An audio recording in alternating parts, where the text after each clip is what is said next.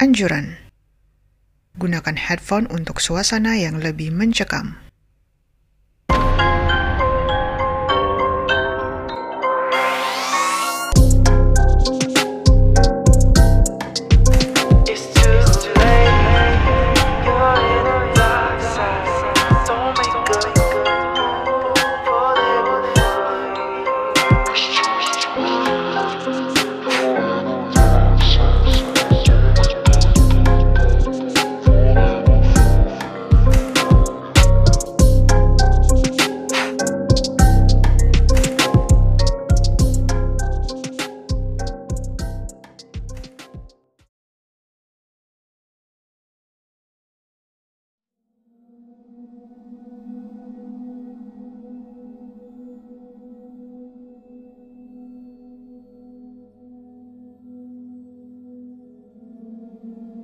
Banyak orang berencana menghabiskan masa pensiun dan hari tuanya di kampung halaman.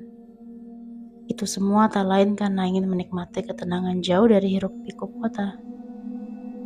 Hal itulah yang diungkapkan pria Malaysia bernama Adam kepada istrinya, sama sebelum ini. Namun pasangan itu tidak pernah menyangka rencana habiskan masa tua di kampung menjadi mimpi buruk. Semuanya bermula setelah sebagian tanah beserta gubuk yang dibeli Adam di Tamerlo Pahang diratakan. Adam dan Salma berencana untuk membangun hunian dengan konsep villa di daerah tersebut. Selama proses perataan tanah sekitar 0,7 hektar, ia dan istrinya tidak mengalami hambatan. Bahkan saat memulai proses konstruksi bangunan pun, Adam dan Salma tidak menemui kendala. Namun anehnya ada melihat sebuah pohon yang lebih tinggi dari pohon sekitarnya. Bukan itu saja, pohon tersebut dikelilingi oleh gundukan tanah mirip sarang semut. Gundukan tanah tersebut tampak rapi seolah ditata untuk mengelilingi pohon raksasa itu. Aneh juga melihat pohon itu. Kenapa tumbuh tinggi dibandingkan pohon di sekitarnya dan dikelilingi gundukan? Kata Adam. Iya, malah kawasan sekitarnya terlihat bersih, seolah ada yang menjaganya dengan rapi. Timpal sama istrinya. Meski merasa aneh, pasangan suami istri tersebut berusaha untuk berpikiran positif. Pohon dan gundukan itu mungkin penanda jalan pemilik tanah sebelumnya ketika pergi ke dusun malam hari. Namun setelah kira-kira satu bulan menempati rumah villa itu, berbagai kejadian aneh mulai menghantui Pak Sutri tersebut. Tubuh Salma tiba-tiba dipenuhi lebam, terutama di bagian pahanya. Hampir setiap malam dia mendengar tempat tidurnya seperti dicakar kucing. Abang, mungkin ada jendela yang tidak tertutup rapat, atau kucing masuk melalui atap rumah. Setiap malam ada suara garukan di tempat tidur ini. Ujar Salma kepada Adam sambil memperlihatkan lebam baru di lengannya. Ucapan Salma mengagetkan Adam, karena ia belum pernah mendengar suara garukan seperti yang disebutkan istrinya. Namun, ia tidak mengabaikan keluhan Salma dan langsung mencari bantuan seorang ustadz di desa tersebut. Saat ustadz datang, suasana di rumah Adam tiba-tiba ricuh dengan angin kencang yang muncul menderu-deru. Ustadz pun berjalan menuju ke pohon raksasa di dekat rumah Adam dan langsung mengumandangkan azan di depannya. Usai azan dilantunkan, sama kaget melihat sosok hitam berbelut tebal berwajah garang dan bermulut besar nangkring di atas pohon besar itu. Makhluk itu turun dari pohon, seolah hendak menerkam sang ustadz. Sementara pohon itu tiba-tiba bergoyang kencang meski tak ada angin. Begitu menyentuh tanah, makhluk itu terlihat sangat besar dan tinggi. Matanya juga merah. Ada lendir yang terus menetes keluar dari mulut makhluk menyeramkan itu saat berdiri menghadap Ustadz. Namun, beberapa saat kemudian, situasi menjadi tenang dan Ustadz datang menemui Adam bersama istrinya. Untuk istri, cuci muka dan minum di pagi hari sampai air di botol ini habis. Insya Allah semua akan kembali normal. Kalau bisa, pada menebang pohon dan menghancurkan gundukan itu, ucap Ustadz singkat sebelum meminta izin pulang. Adam dan Salma pun enggan bertanya lebih lanjut mengenai kejadian di pohon tersebut. Mereka hanya berharap bisa segera menebangnya sesuai saran Ustadz tadi. Setelah vilanya didatangi Ustadz, Salma tak lagi terganggu dengan suara garukan atau lebam. Mereka kembali hidup normal seperti yang direncanakan awal ketika membeli tanah buat hari tua.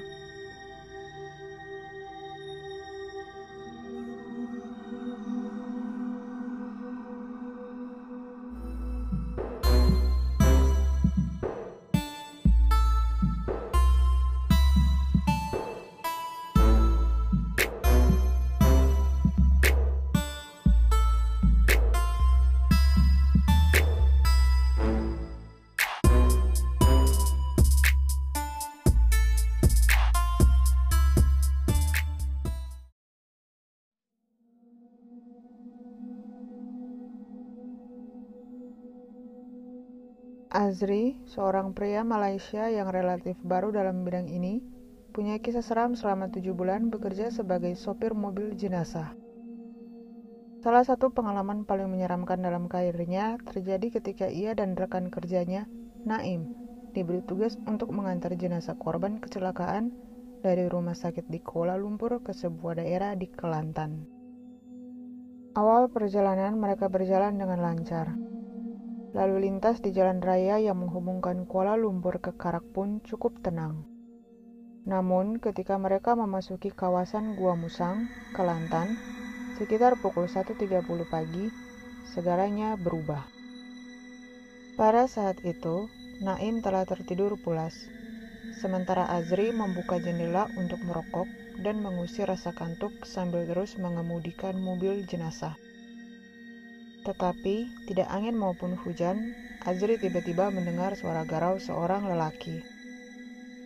Suara yang serak seperti orang tercekik itu berusaha berteriak, seolah-olah meminta pertolongan. Azri merasa tidak nyaman, tetapi dia tetap tenang. Dia memadamkan rokok dan menutup jendela mobil. Namun, gangguan tersebut masih berlanjut. Kurang dari 10 menit kemudian, terdengar suara keras seperti benda jatuh di atas mobil jenazah. Naim terbangun dan keduanya hanya bisa saling menatap, tak berani bicara.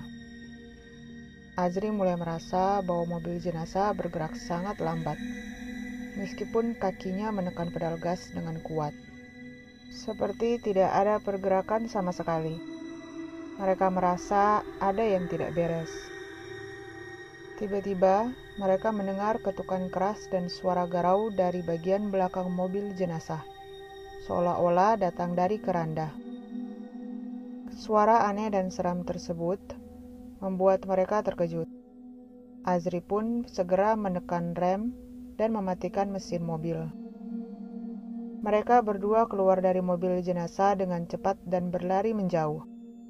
Di tengah kegelapan yang dikelilingi oleh hutan, Naim meminta Azri untuk melantunkan azan di sekitar mobil jenazah dengan harapan gangguan seram itu berhenti.